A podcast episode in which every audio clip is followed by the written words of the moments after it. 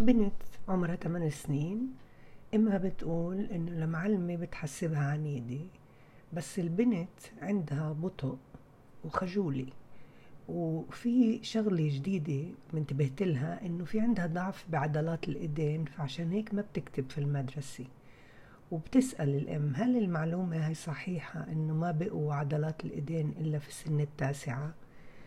إيه أنا بعرفش هاي المعلومة الحقيقة أنا اللي بعرفه إنه كل عضلة بالجسم وكل آه، يعني آه، خلايا وأطراف الجسم بدهن رياضة بدهن تجديد بدهن كل يوم يتمرنوا خصوصا العضلات. العضلات لازم تتمرن. فكل ما تمرنت أكتر كل ما قويت أكتر. ممكن تقوى بجيل آه، السنة ممكن تقوى بجيل السنتين لأنه العضلات هي تحتاج لرياضة بدها تدريب. الآن بالنسبة لبنتك الخجول بترفعش إصبعها بالصف. هذا نوع من الشخصيات. مليان. أنا بعرف ناس عظمى ناس كتير معروفة في العالم. ما كانت آه، ترفع إصبعها ولا تحب تجاوب. ومشهورين.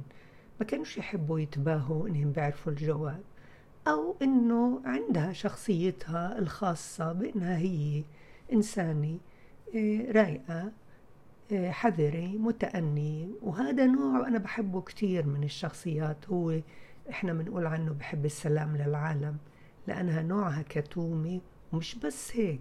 إذا في حدا بالمجموعة اللي هي بتلعب معاهن هذا الحدا جديد. أو مش مقبول على المجموعة هي بتيجي جنبه وبتحضنه بطريقتها طبعا اللي بتتصاحب معه مع إنها هي مش بت... مش هوين إنها تعمل مجموعات صحبة هي بتحب واحد لواحد. بس لما بتشوف ولد مظلوم ولد جديد ولد مش قادر يتأقلم هي أكتر وحدة بتكون تحب إنها تحتويه وتعطيه فرص لأنه يرجع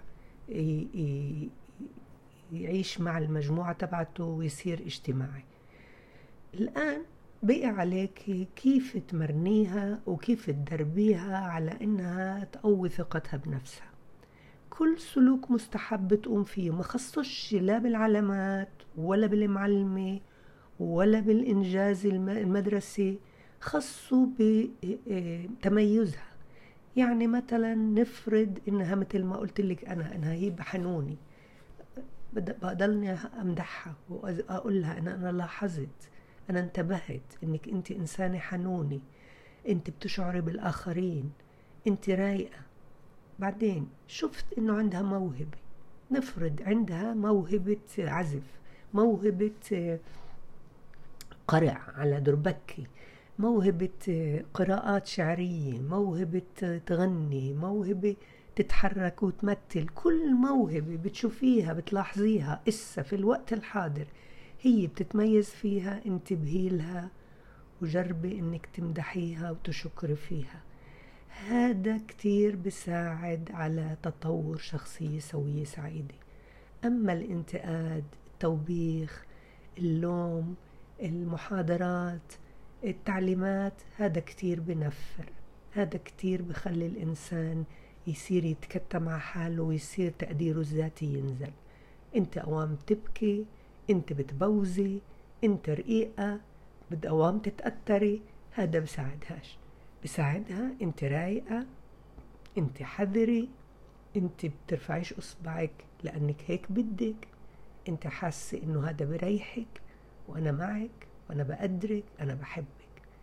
يوم ورا يوم بتبني معاها آه علاقة ورصيد عاطفي اللي اللي هالطفلة هاي بحاجة لشخص يقدرها ويحترمها ويحسسها إنها هي عندها مزايا وعندها مميزات وخصوصا من الأم للبنت.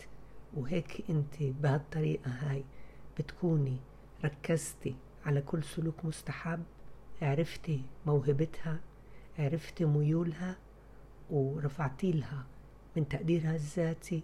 وما تنسي مهم إذا بتحب أنشطة حركية عشان التنفيس عن كل الضغوط بكل قضية المدرسة والمعلمة والتحصيل هذا لازم بعملها تنفيس.